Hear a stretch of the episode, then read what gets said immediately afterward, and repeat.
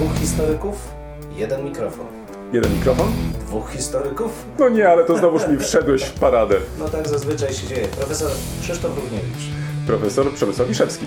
Próbujemy nagrywać to, co nas ciekawi, to, co nas kręci, ale zawsze w kontekście historii. No niestety, takie już mamy, że tylko o historii, chociaż czy zawsze na poważnie? No nie zawsze, a przede wszystkim historia to cały świat. To nie tylko to, co minęło, ale też to, co jest teraz. Chcemy pokazać, że w historii można poznawać się w różny sposób. Zdecydowanie w różny sposób i nawet można się nią bawić. Państwo wszyscy widzą, że się uśmiechamy, więc my się też bawimy nieźle.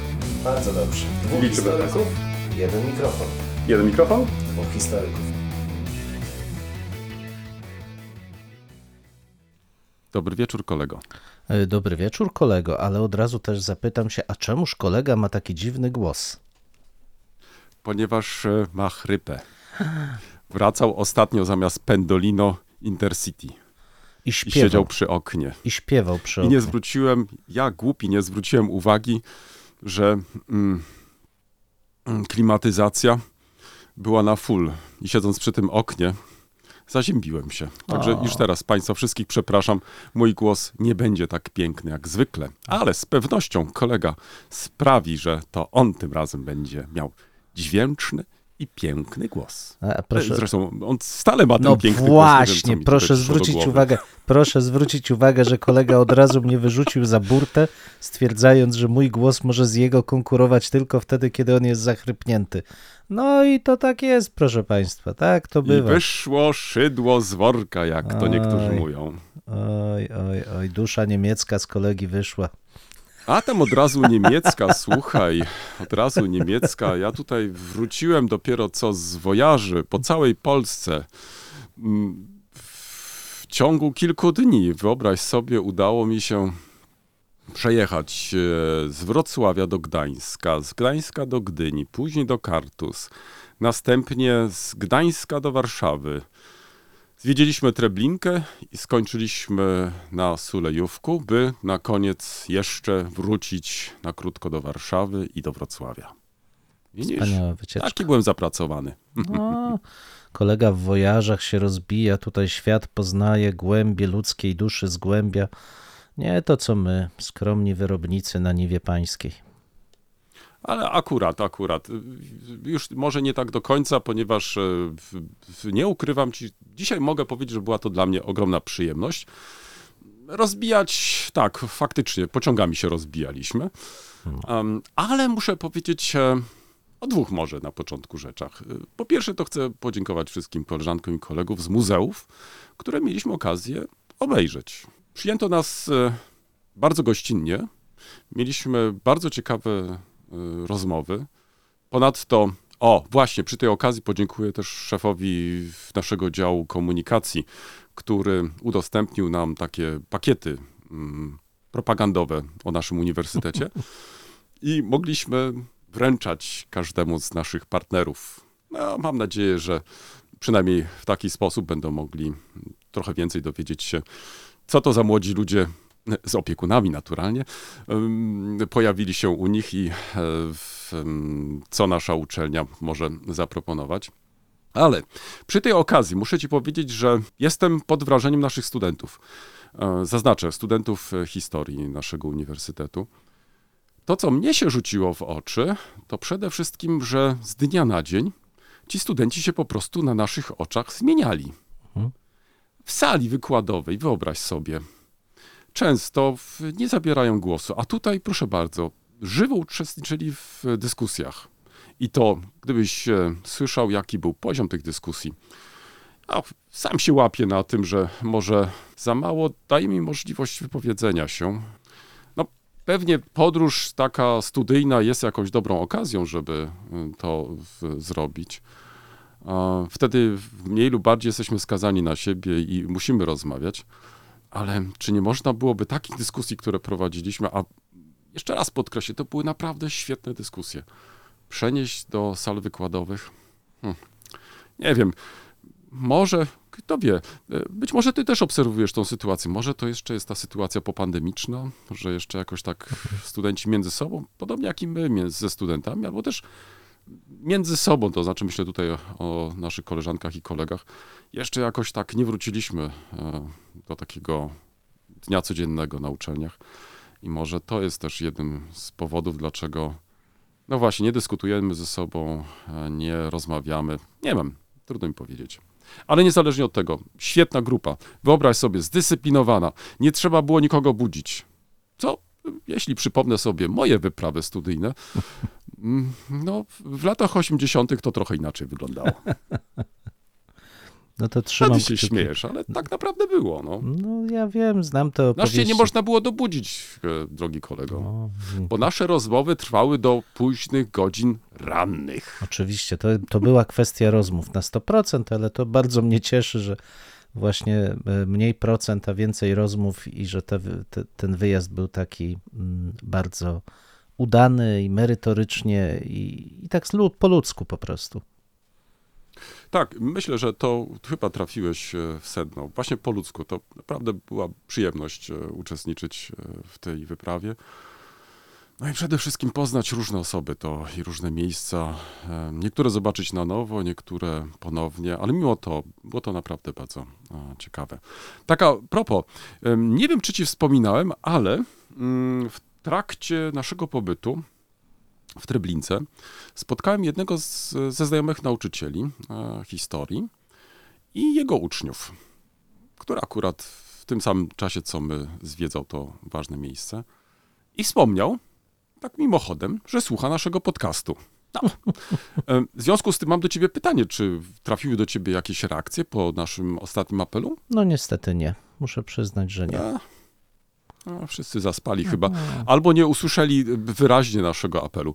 Otóż wyobraź sobie, że ten mój kolega wspomniał, że nasze odcinki są po prostu za długie. O, widzisz? Widzisz? No tak. I ja teraz jest mówiłem. pytanie, Tak. co z tym zrobić? Czy są za długie? No, nie wiem tylko, czy mm, powinniśmy ponowić nasz apel i zapytać, czy powinniśmy skrócić nasze odcinki, czy jednak ba, powiedzieć, że my możemy tak dłużej. Tak do półtorej godziny na przykład. Nie, Ale nie, kto ja- to będzie chciał słuchać? Właśnie, no właśnie, ja jednak uważam, że 45 minut do godziny to jest maks. E, Stąd, stąd pamiętasz moje wahania, czy dodawać jeszcze nowe elementy do tej naszej ramówki. No ale poczekajmy, no, dobrze, zobaczymy. To, to, to będziemy się skracać w takim razie. Będziemy się skracać. A poczekaj, ja tylko jeszcze sprawdzę jedną rzecz, bo a, widzisz, powinienem to sprawdzić przed naszą rozmową. A, wyobraź sobie, to jest 99 odcinek, który nagrywamy teraz. Ulala. A No to, to oznacza, już się domyślasz chyba co, czy jeszcze nie? Że szampan będzie. Y, Może szampon, dobrze, przesadziłem. Ja szampon, liczę na to, szampon, że nie szampon. jeden. I Jak ty to sobie wyobrażasz? Kto by pomyślał 100 odcinków temu? My zaczynaliśmy bardzo skromnie od jednego mikrofonu, od jednej butelki, przepraszam, wi- wina, dwóch szklanek. Jeszcze kto odsłucha ten pierwszy nasz odcinek, to może tam usłyszy ten szczęk, Oj tam, oj tam. szczęk. Oj Piękny. tam, oj tam. Musimy to powtórzyć, słuchaj. No tak, to jestem za. Na setny odcinek może spróbujemy znowu nagrać w tym samym miejscu i będzie dzięki temu zabawniej. Biorę cię za słowo. W takim razie mm, w przyszłym tygodniu tak, kuruję się Kuruj i się. robię zakupy. Tak to jest. trzeba się przygotować. I szykujemy imprezę. Nowinki, starowinki. Nowinki Kolego, ty starowinki. zaczynasz, czy ja tak, zaczynam? Ja, ja zacznę, mam jedną To krótką, ale... zacznij. Ale ty Ale sprawdzaj czas i kontroluj czas. Tak, tak, dlatego mówię, że krótko. Franciszek Duszyński, Duchiński, przepraszam. Chyba mało znana postać dzisiaj. Um, swego czasu hmm, jeden z pionierów antropologii e, w Polsce, w, no ale takiej dość e, specyficznej, takiej z ducha przełomu XIX-XX wieku, ujmijmy to, zafascynowanej rasami. No i taki krótki cytat dotyczący różnic między zdaniem Duchińskiego ludami indoeuropejskimi, w tym Polakami oczywiście, mm, i ludami turańskimi, czyli zamieszkującymi Rosję.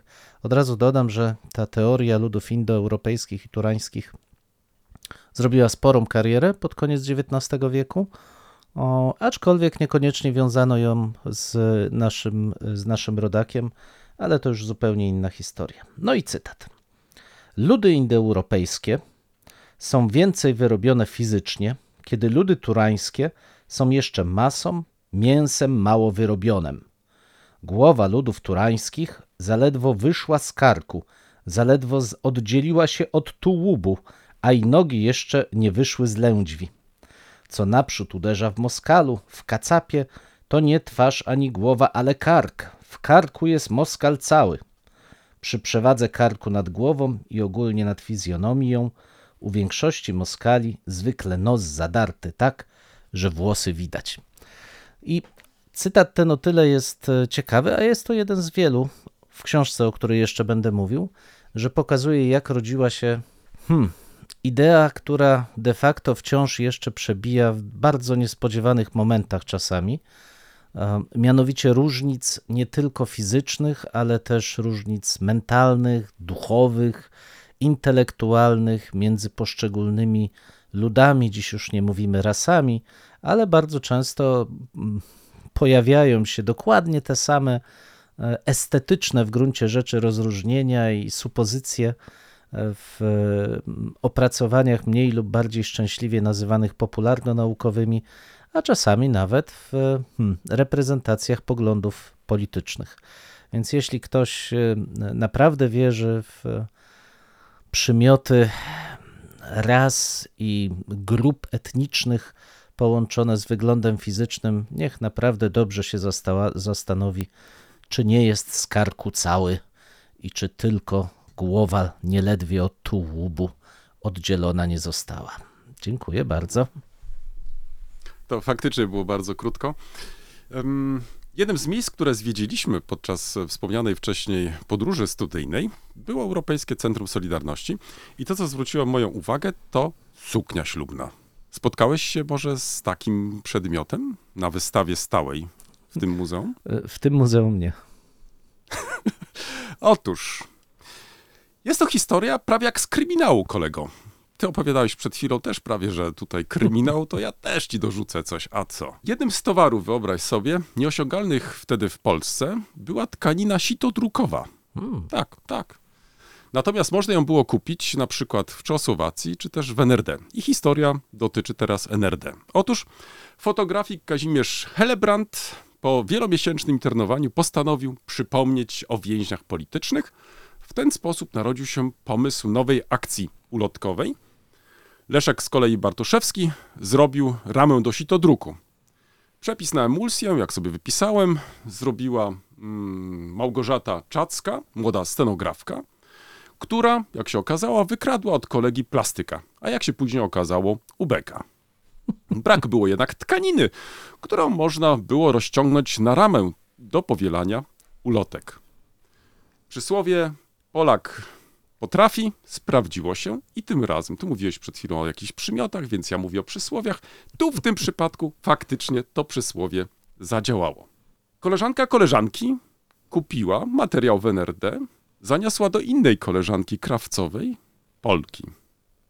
Maria Dufek, studentka historii sztuki, dostała dwa metry bawełny z haftem i projekt ślubnej sukni.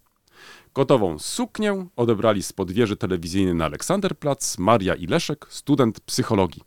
Szczęśliwy posiadacz czerwonej Skody. To musisz sobie wyobrazić tą historię. Zajeżdża ta czerwona schoda pod Aleksanderplatz i oboje wsiadają do tego auta i oczywiście mają w rękach już gotową suknię ślubną. I teraz wspominała po latach nasza bohaterka. Baliśmy się, że Straż Graniczna znajdzie sukienkę i od razu się na tej pozna. Wyeksponowaliśmy więc ją na tylnym siedzeniu w myśl zasady. Im bardziej widać, tym jest mniej podejrzane. No, skądś też znamy tą historię. Bardzo się oczywiście bali całej tej sytuacji na granicy, ale cóż, strażnicy nie byli aż tacy straszni, mianowicie złożyli im serdeczne życzenia na nowej drodze życia. Po powrocie pocięli suknię na pasy, wydrukowano tysiące ulotek i co ciekawe, i tutaj to cię może zaskoczyć, 4 czerwca 86 roku, jeśli się nie mylę, ale to musiałbym jeszcze ewentualnie sprawdzić, wzięli ślub z Leszkiem, niegdyś narzeczonym z berlińskiej akcji.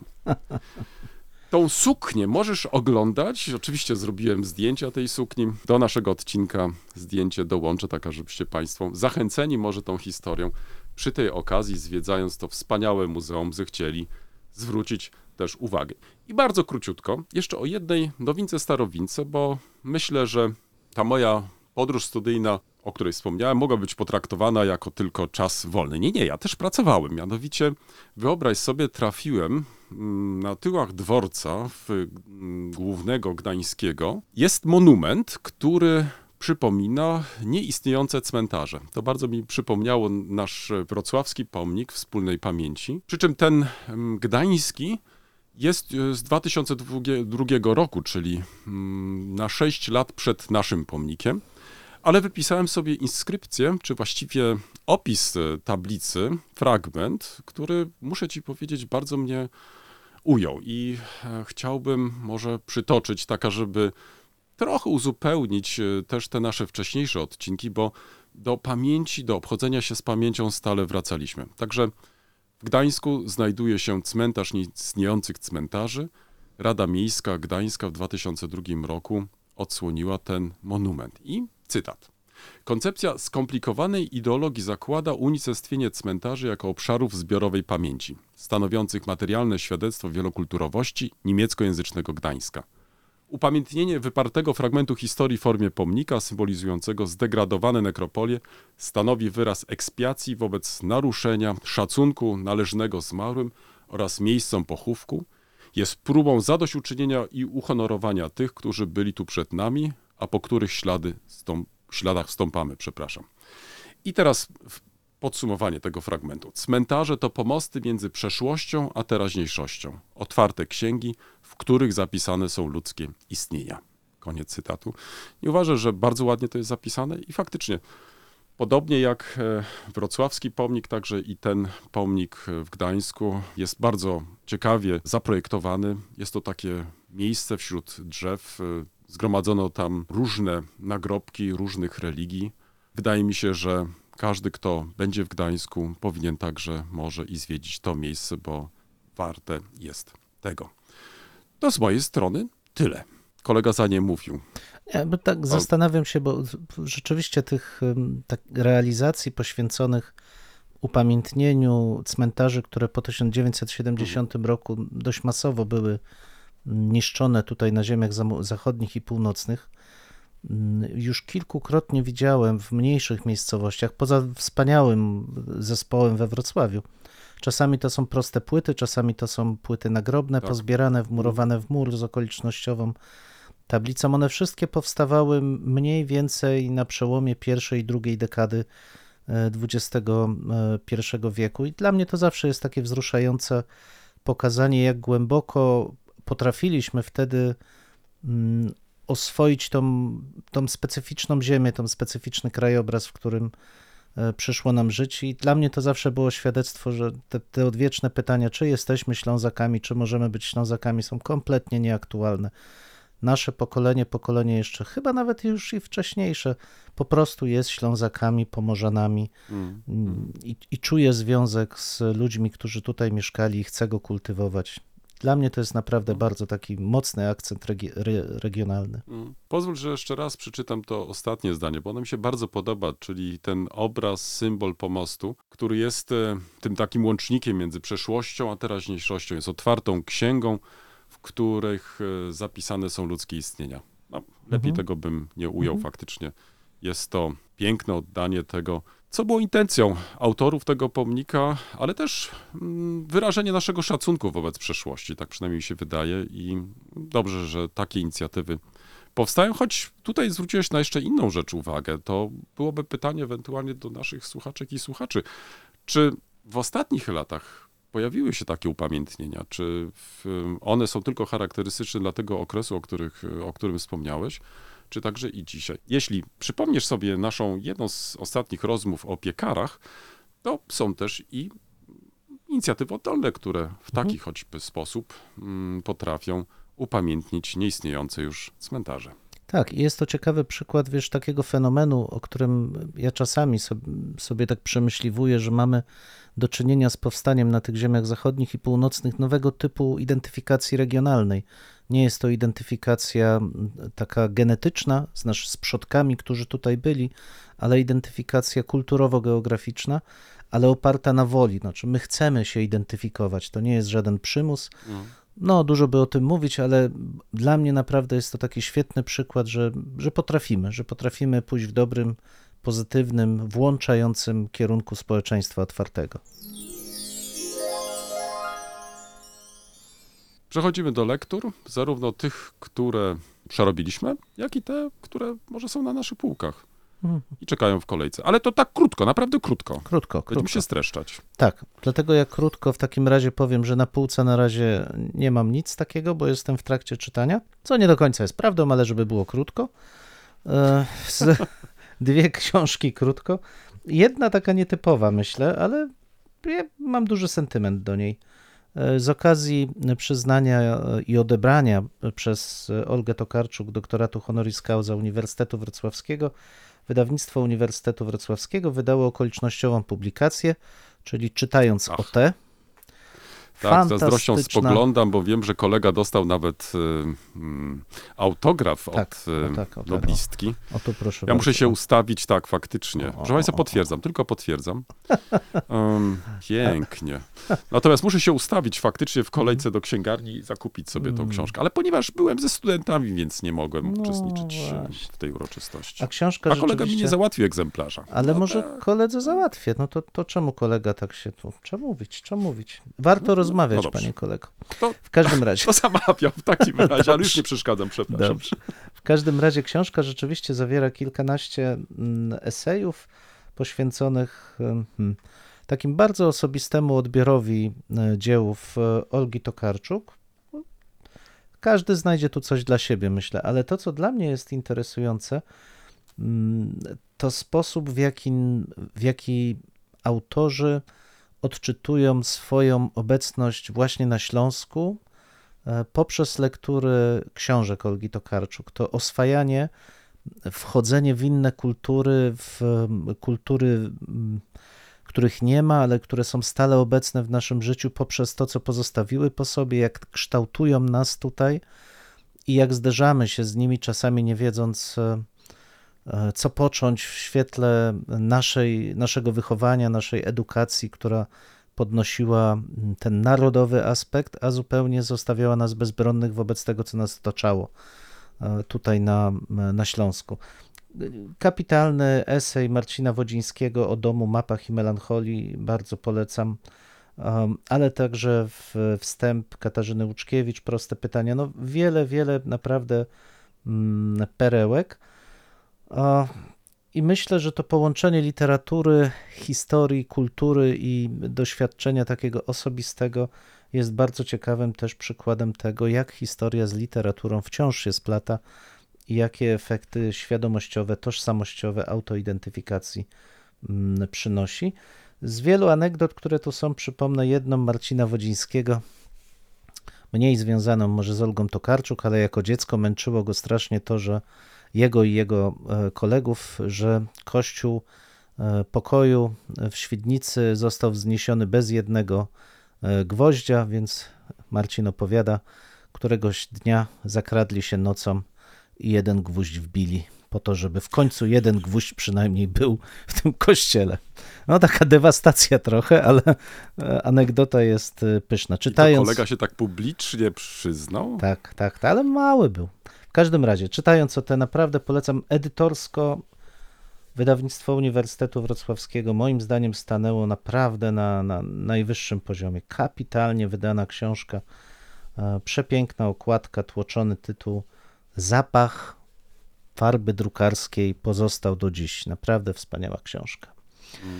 A, I druga, którą chcę się podzielić, e, również e, puf, a jestem absolutnie zauroczony tą książką. e, Praktycznie ją kończę, prawie 300 stron w ciągu kilku dni.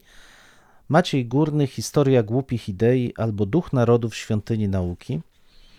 Profesora Górnego znamy przede wszystkim z opracowań dotyczących e, historiografii polskiej czasów e, PRL-u, ale nie tylko.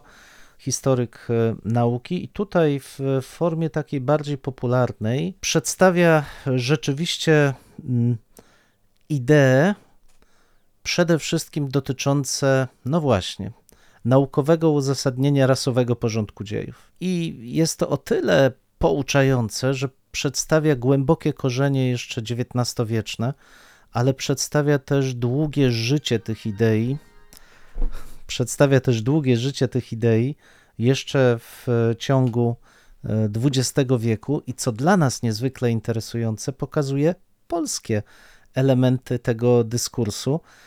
I powiem Ci szczerze, robi to z taką finezją, gracją, ale też tak dobitnie, że no, będzie to jedna z moich ulubionych e, lektur, ale też lektur, które chętnie będę zadawał studentom w czasie zajęć z metodologii e, historii, o ile przyjdzie mi takie prowadzić, E, bo jest to książka wybitna, świetnie napisana, doskonałym językiem, wszechstronnie pokazująca relacje, jakie w nauce zachodzą ponad granicami, ponad e, mm, uprzedzeniami, a z drugiej strony pokazują też, czym jest mainstream naukowy, w jaki sposób idee się szerzą, od czego zależy sukces naukowy, bynajmniej, czy może nie zawsze, od racjonalności i poprawności dowodzenia, dowodzenia naukowego. Kapitalna książka, proszę Państwa, Historia głupich idei albo Duch Narodów Świątyni e, Nauki, wydawnictwo Filtry 2022. Szczerze polecam.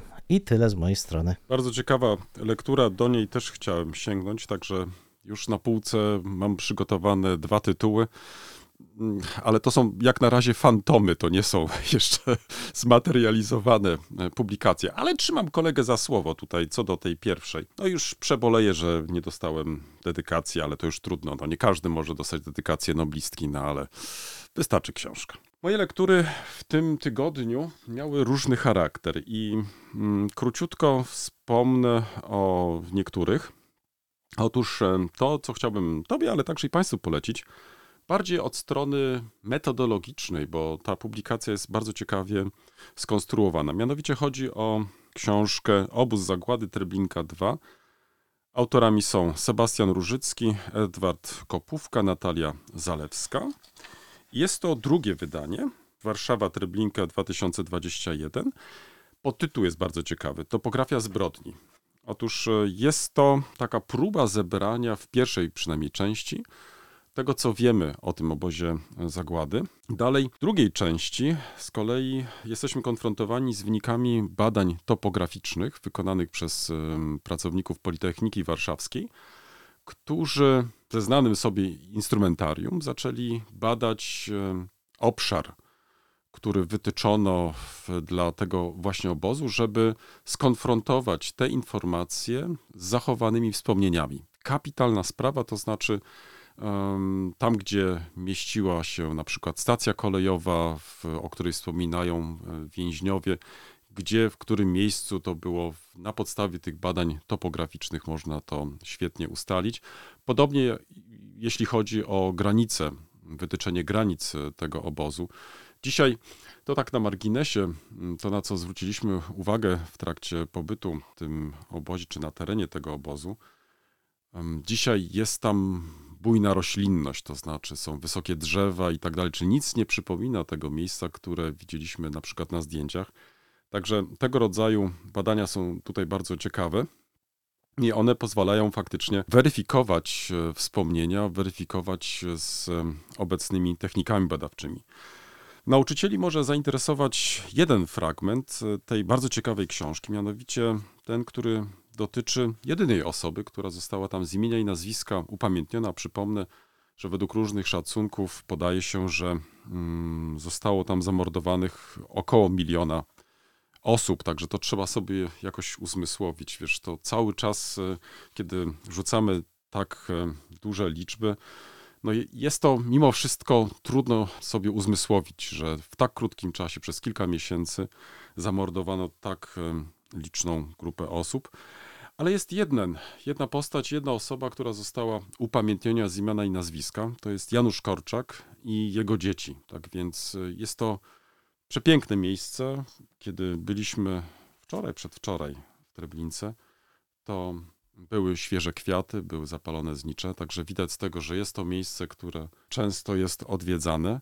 Ale w książce, o której wspomniałem, znajdziesz najważniejsze informacje o samym Januszu Korczaku, o jego drodze, ale także i o twórczości, która nie zawsze może jest e, przypominana, bo zwraca się bardziej na jego powieści, czy też nowele dla dzieci, mniej może na jego rozprawy dotyczące mm, pedagogiki, a praktycznie chyba pomija się także jego nowele dotyczące sytuacji społecznej dzieci jako takich na przełomie XIX i XX wieku. Tak więc um, autorzy, jeszcze raz przypomnę, Sebastian Różycki, Edward Kopówka, Natalia Zalewska w książce Obóz Zagłady Treblinka 2 przypominają tą postać, ale także i jej pracę. I druga rzecz, e, druga mm, książka, mm, nie zdradzę jeszcze ani tytułu, ani autora.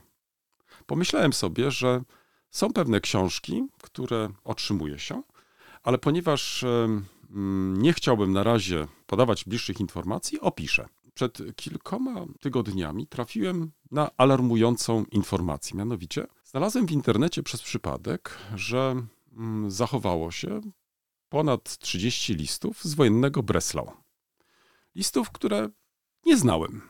Otóż e, jeden z robotników, trudno powiedzieć, pracowników Famowerkę, jednego z czołowych zakładów wojennego Wrocławia. Przebywał tu przez e, kilka miesięcy, no i w, przesyłał listy do swojej rodziny. Kiedy wróciłem, na moim biurku była obszerna koperta z tymi listami, ale także z publikacją o tej rodzinie. Bardzo szybko przeczytałem tą publikację, także zapoznałem się z tymi listami. No i kolego, wprawdzie obiecaliśmy, że co 10 odcinków będziemy informować o naszych e, badaniach, ale to jest priorytet. Postanowiłem opracować te listy i wydać je drukiem, ponieważ jest to lektura frapująca, dotąd nieznana, a szczegółowość informacji, które podaje autor, no, muszę przyznać, zadziwia. Także dowiesz się na przykład o sytuacji Polaków, e, o nastrojach wśród Niemców, jakie ceny były w tym wojennym Wrocławiu, dalej jaka była religijność Wrocławian, także to wszystko znajdziesz. Ale znajdziesz też informacje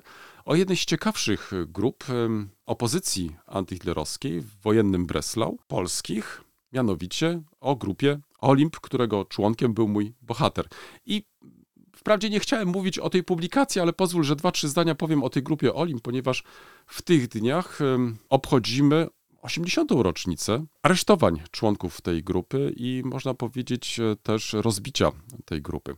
Przypomnę tylko, że w przypadku grupy Olimp e, chodzi o organizację, która powstała w latem 1941 roku z inicjatywy Polaków wywiezionych do Wrocławia na roboty przymusowe z Wielkopolski i Śląska. Uczestniczyli w niej także członkowie miejscowej Polonii. W skład kierownictwa grupy wchodzili m.in. tu pozwól, że wymienię nazwiska, oczywiście to jest tylko wybór, Stanisław Grzesiewski, Rafał Twardzik, bracia Wyderkowscy, Alojzy Marszałek, Edward Damczyk i Felicyta Podlakówna. Organizacja zajmowała się integracją polskich robotników przymusowych, samopomocą, kolportowaniem informacji o sytuacji na frontach, a także akcją sabotażową w zakładach przemysłowych i zbieraniem danych wywiadowczych. Grupa, jak wspomniałem wcześniej, została rozbita w czerwcu 1945 roku przez Gestapo. Aresztowano ponad 90 osób. Przywódcy Olimpu zostali umieszczeni w obozie koncentracyjnym Grossrosen, gdzie wkrótce zginęli. Także i mój bohater, który jest e, także bohaterem książki, o której wspomniałem, a której tytułu nie podam i autora nie podam. Ich los podzieliło e, wielu mm, członków e, grupy, wywieziono ich innymi do Auschwitz. W późniejszych miesiącach aresztowano jeszcze wielu członków wrocławskiej Polonii. Tak jak wspomniałem, będę chciał możliwie szybko pracować te listy, wydać je drukiem, jak się ukażą. Wtedy oczywiście poinformuję. Czy zaglądasz czasami do antykwariatów książkowych? Kolega kiwa głową tak. Tak, tak, jak najbardziej, choć nieczęsto przyznaję, ale tak, zdarza mi się. To chcę ci się pochwalić. Mianowicie, kiedy byłem w Gdańsku, zajrzałem do jednego z nich w centrum i znalazłem publikację, którą szukałem od wielu lat, ale jakoś nie mogłem na nią trafić, mianowicie Tadeusza Cypriana. Przypomnę, mm, fotografa, ale także profesora prawa, członka polskiej delegacji na proces norymberski, który napisał w latach 30. bardzo ciekawą broszurkę Tajemnice małoobrazkowej fotografii. Pięknie ilustrowana, do tego jeszcze zdjęciami lajki, bo był tak zwanym lajkistą, więc mam oryginał, proszę kolegi, o tutaj możesz zobaczyć. Książeczka, broszurka nie kosztowała zbyt dużo, tak więc kupiłem od razu, nie zastanawiając się. Natomiast przy tej okazji chciałbym się podzielić z Tobą taką może refleksją, że w chwili, kiedy wszedłem do księgarni w Gdańsku, już nie pamiętam której, byłem zaskoczony ilością publikacji regionalnych. Gdybyśmy tak we Wrocławiu mieli świetnie zaopatrzone księgarnie, to znaczy. Znaczy, chciałeś, uwagę, chciałeś powiedzieć, poczekaj, książki- poczekaj, poczekaj, poczekaj, gdybyśmy we Wrocławiu mieli księgarnię, bo mamy tylko jedną naukową PWN-u, która ma zostać zamknięta Tak. niedługo. No to, to jeszcze w, w, w, informacja, która nie potrafi, ja szczerze mówiąc nie potrafię tego kompletnie zrozumieć, bo zwróć uwagę, wszedłem do jednej z pierwszych lepszych księgarni w Gdańsku.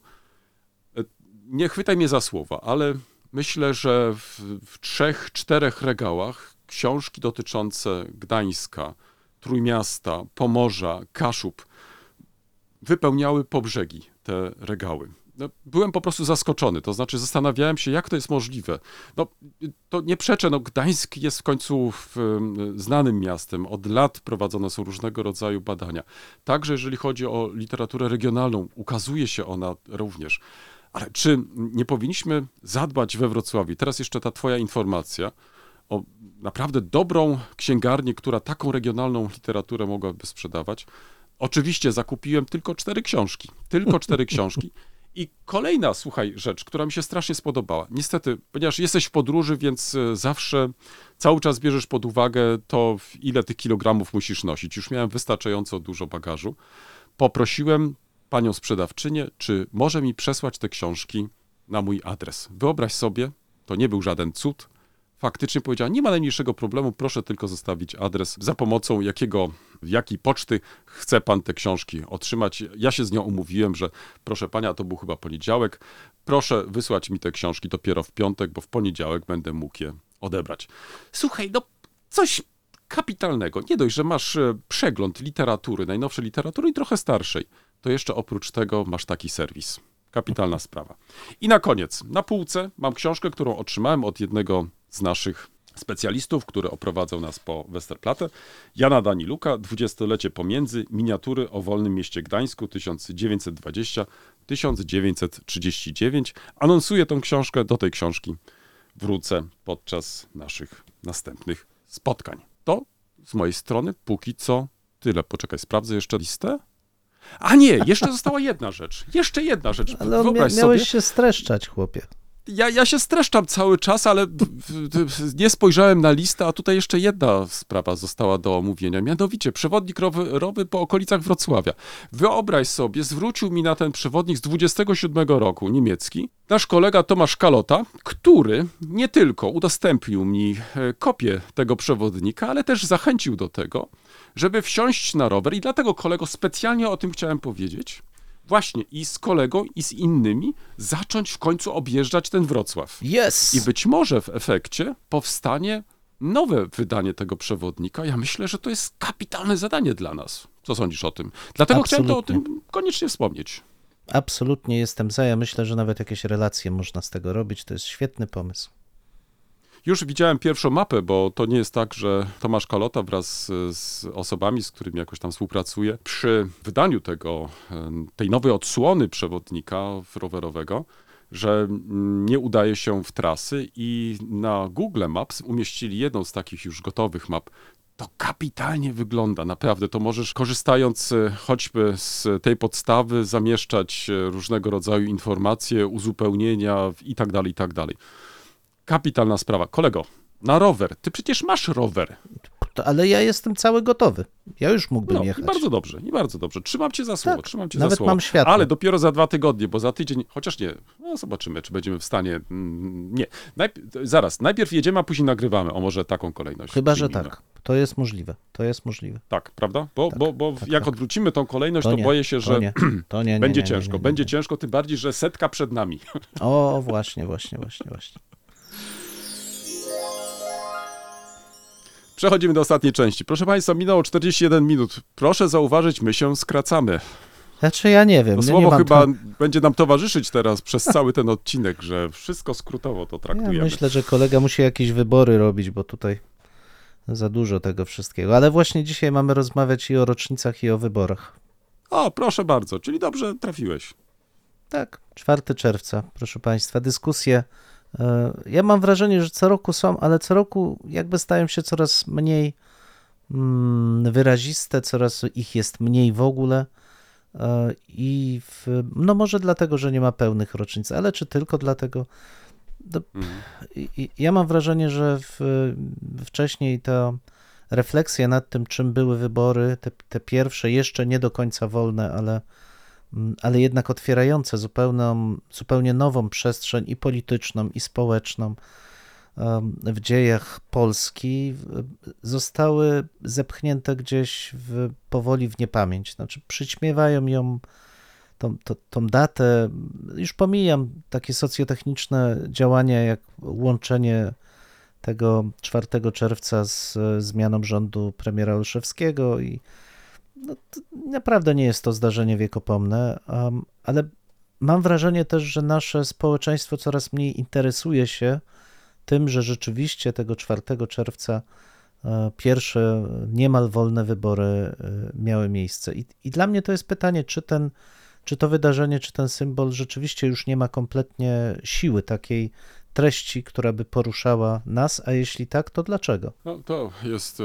ważne pytanie, które zadałeś. Mm, Pozwól, że zanim może postaram się zaproponować jakąś odpowiedź, bo mm, od razu powiem, nie znam jednej odpowiedzi, to pozwól, że przywołam kilka muzeów, w których teraz byłem i zwracałem przy tej okazji też na to, jak e, te muzea się kończą, to znaczy na jakie wydarzenia zwracają uwagę. I zacznę może chronologicznie od Muzeum II Wojny Światowej.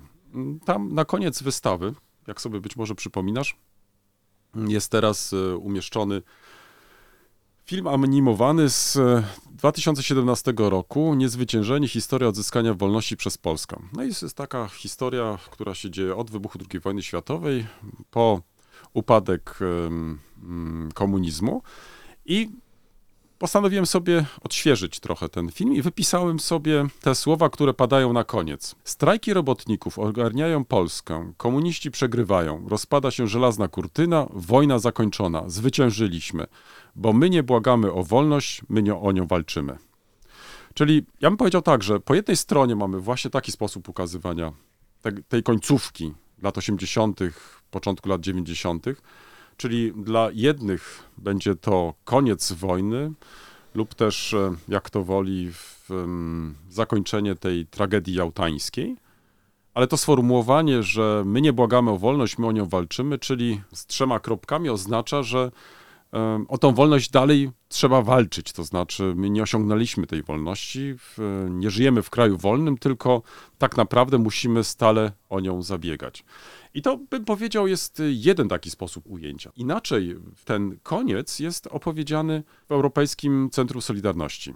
Tam kończy się ta opowieść na obradach Okrągłego Stołu oraz e, na pierwszych e, wyborach. Jest to całkiem inna opowieść, to znaczy masz wrażenie, że mm, biorąc pod uwagę opór Polaków, walkę o wolność, ale w szerszym kontekście, bo to trzeba sobie uzmysłowić, że dopiero wtedy możemy zrozumieć specyfikę walki Polaków, jeżeli uwzględnimy cały kontekst europejski, to znaczy w jakim kontekście ta walka się odbywała. To nie miałem wrażenia, że wychodząc z tej wystawy, nie czułem się dumny z tego, co Polacy osiągnęli. To znaczy, ta ich e, droga do wolności była wprawdzie tragiczna, bo przecież okupiona wielu ofiarami, wielu kalekami, ale była to walka, która ostatecznie przyniosła zwycięstwo. To znaczy, staliśmy się wolnym, niezależnym państwem. I podobną narrację spotkałem w innym muzeum, Muzeum Emigracji w Gdyni. Bardzo ciekawe muzeum, nowoczesne, wprawdzie pokazujące e, ten wybrany mm, temat, czyli to, w jaki sposób Polacy emigrowali przez stulecia, ale co ciekawe, także i ten moment odzyskania przez Polskę suwerenności albo niezależności, jak to woli, wieńczy wystawę, czyli to są też takie ostatnie akordy tej wystawy, ale bardzo zbliżone do tego, co zaprezentowano na wystawie Europejskiego Centrum Solidarności. Czyli odpowiadając teraz na Twoje pytanie, wydaje mi się, że cały czas mamy ten problem, jak e, najpierw ocenić te wydarzenia, to znaczy, czy był to konieczny kompromis, e, czy był to mm, zgniły kompromis. Ten, który trzeba po prostu stale podważać, ponieważ to nie było to, co tak naprawdę część przynajmniej by sobie życzyła. Z drugiej strony, myślę, że powinniśmy szerzej spojrzeć na ten temat, na ten problem. Bo powinniśmy, tak przynajmniej mi się wydaje, e, szerzej chyba potraktować e, historię Polski i sięgnąć do XIX wieku, to znaczy do tego sporu, który istniał, jakie są różne drogi mm, Polski do odzyskania niepodległości. Czy ma się to odbyć na drodze mm, militarnej, czy też może zakasać rękawy, ja oczywiście tutaj upraszczam, na drodze podniesienia poziomu cywilizacyjnego Polski, a tym samym konkurowania z państwami zaborczymi itd., tak itd. Tak Mnie się wydaje, że te dwa takie podejścia, one ze sobą po prostu nadal konkurują i my chyba nadal nie jesteśmy przekonani, jaką drogę obrać. To znaczy, ten 4 czerwca nie połączył nas. To wydaje mi się, że to jest kwestia ważna ale oprócz tego nie potrafimy docenić e, tej daty 4 czerwca jako zwieńczenia pewnej drogi Polaków do niepodległości, ale takiej, która, którą pokazaliśmy też e, i innym państwom e, naszego regionu. To znaczy, te inne państwa z naszej drogi czerpały przecież inspirację. To pięknie jest pokazane na wspomnianej wystawie Europejskiego Centrum Solidarności. I to jest zaskakujące. Dlatego nie dziwię się, że na przykład dzisiaj, kiedy obchodzimy kolejną rocznicę wyboru 4 czerwca, no praktycznie ta data jakoś za bardzo nie wybrzmiewa, bo w, dla jednych będzie to ważna data, przecież obchodzą, obchodzone są y, różnego rodzaju obchody tej rocznicy i tak dalej, i tak dalej. No ale inni nie świętują, a wręcz bym powiedział deprecjonują tą datę podkreślając, że to kolejna, może jakaś tam ważna data na drodze historii Polski, ale nie, nie najbardziej ważna. No może gdyby doszło do demonstracji, może gdyby doszło do rozlewu krwi, kto wie, być może wpisałoby to się lepiej w naszą historyczną pamięć i stanowiłoby taki charakterystyczny zwrot, który pewnie wpisywałby się w inne zwroty z przeszłości, których Polacy przecież doświadczyli. No trudno się nie zgodzić z tym, co powiedziałeś. Znaczy, ja pamiętam nawet taki był okres, w którym nasi prawicowi publicyści narzekali, że e, trzecia e, Rzeczpospolita jest taka rozlazła i miałka, bo nie było mordu założycielskiego, nie było przelewu krwi, mm, mm. A, a, oni tęsknili za tym i gdyby ten przelew był, to byłoby coś radykalnego, coś by się zmieniło, a tak mamy taki zgniły kompromis.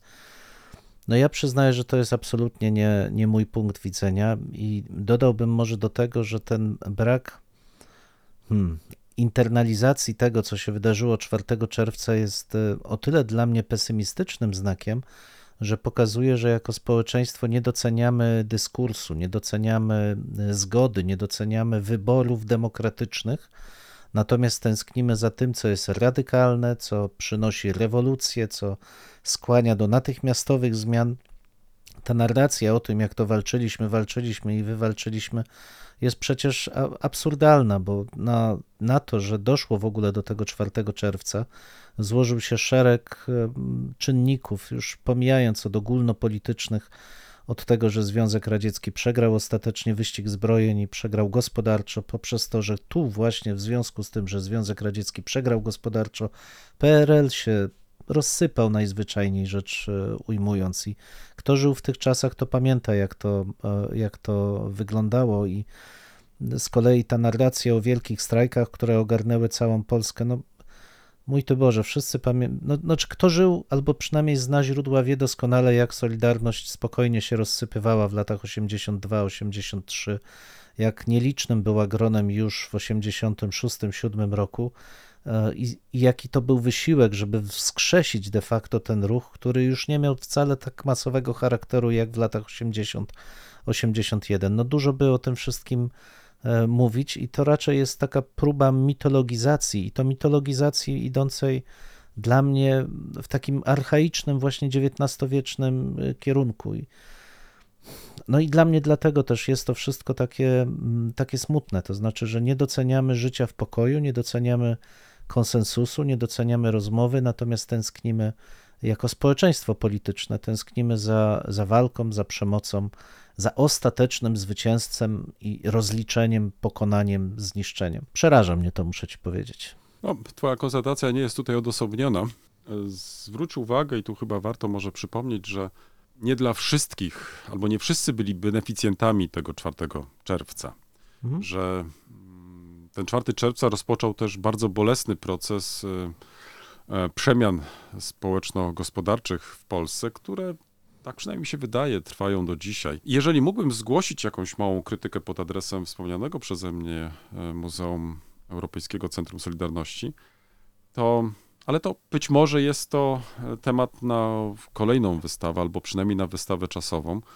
To znaczy, jak Polacy radzili sobie z tą wolnością? To znaczy, czy jednak pod ciśnieniem tych przemian społeczno-gospodarczych nie zaczęli wątpić w sens tychże właśnie zmian, bo to takie mm, wręcz e, wołanie o tą stabilizację lat 70., może nie w typu komuno wróć, bo, bo to byłoby zbyt e, dużym uproszczeniem, ale w każdym razie takie poczucie, że no, wprawdzie może nie posiadaliśmy, ale żyliśmy jakoś tam spokojnie, były jakieś tam władze, ale ostatecznie jakoś potrafiliśmy wykształcić jakieś formy współpracy i tak dalej, i tak dalej.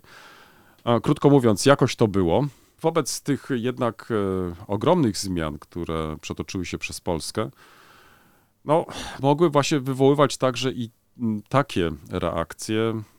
Wiemy przecież też, że wywoływało też to ogromne niezadowolenie. Tak więc myślę, że ten aspekt społeczno-gospodarczy e, należałoby też w tym kontekście uwzględniać, czyli niekoniecznie rozpatrywać tą datę jako datę krańcową, tylko jako wstęp do nowych wydarzeń, które możemy lepiej ocenić z perspektywy tego ponad 30-lecia. E, Tworząc jakiś taki bilans e, zarówno tego, co się udało i tego, co się nie udało. To znaczy, jest to też pytanie, w jakiej kondycji dzisiaj się znajdujemy i czy jesteśmy beneficjentami tych e, zmian, czy też po prostu nie. Znaczy, ja uważam osobiście, że jesteśmy beneficjentami tych zmian, bo em, nie wiem, czy Polska miała wtedy inny wybór, czy mogła podejmować inne decyzje.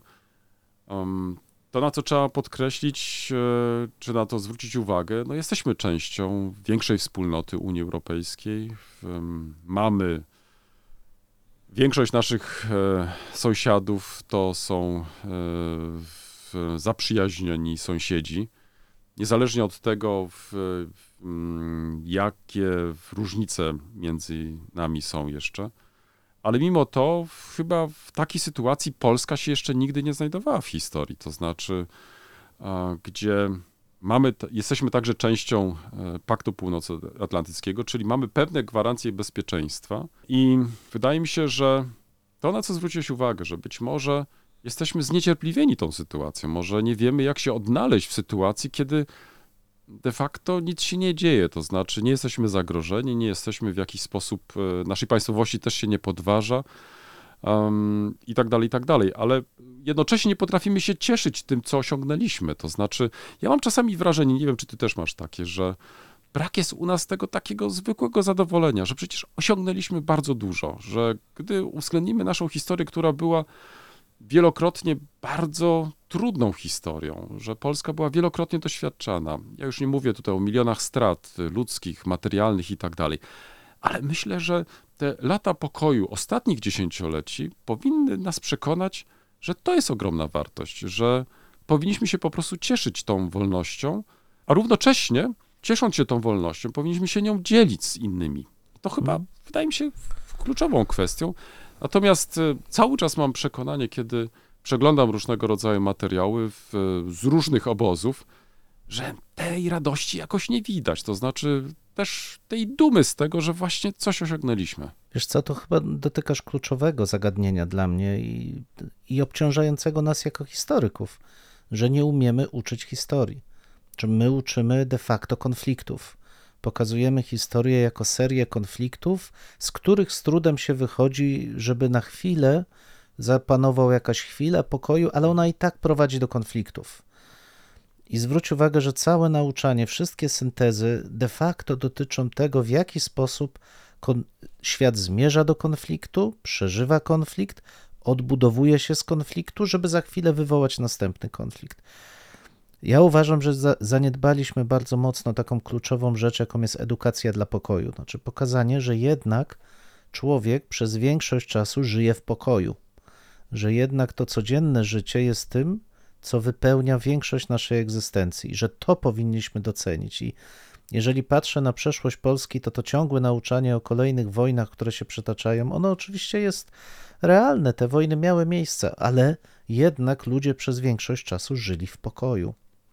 I to, żeby docenić ten pokój, to jest ogromny wysiłek, bo on, on w, tym, w tej kliszy narracyjnej, jaką jest historia obecnie, on nie ma wartości, on jest nudny. Mhm, mhm.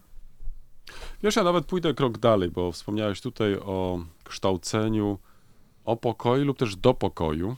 Mm, Ja bym jeszcze dodał jeden człon, do wolności. Mhm.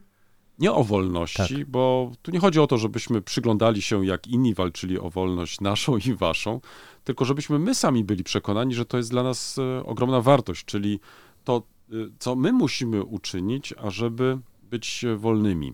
I to w różnych zakresach, myślę. Mhm. I takie kształcenie do pokoju, do wolności, myślę, że tutaj jest kluczowe. I cieszę się, że zwróciłeś uwagę na ten aspekt edukacyjny, bo wydaje mi się, że łatwiej faktycznie uczyć się o konfliktach niż e, o pokoju. To, bo to nie jest spektakularne. Tak Mhm. jest. Tutaj możemy pokazać te tysiące, miliony, którzy stali lub też nie stali na barykadach, którzy ginęli.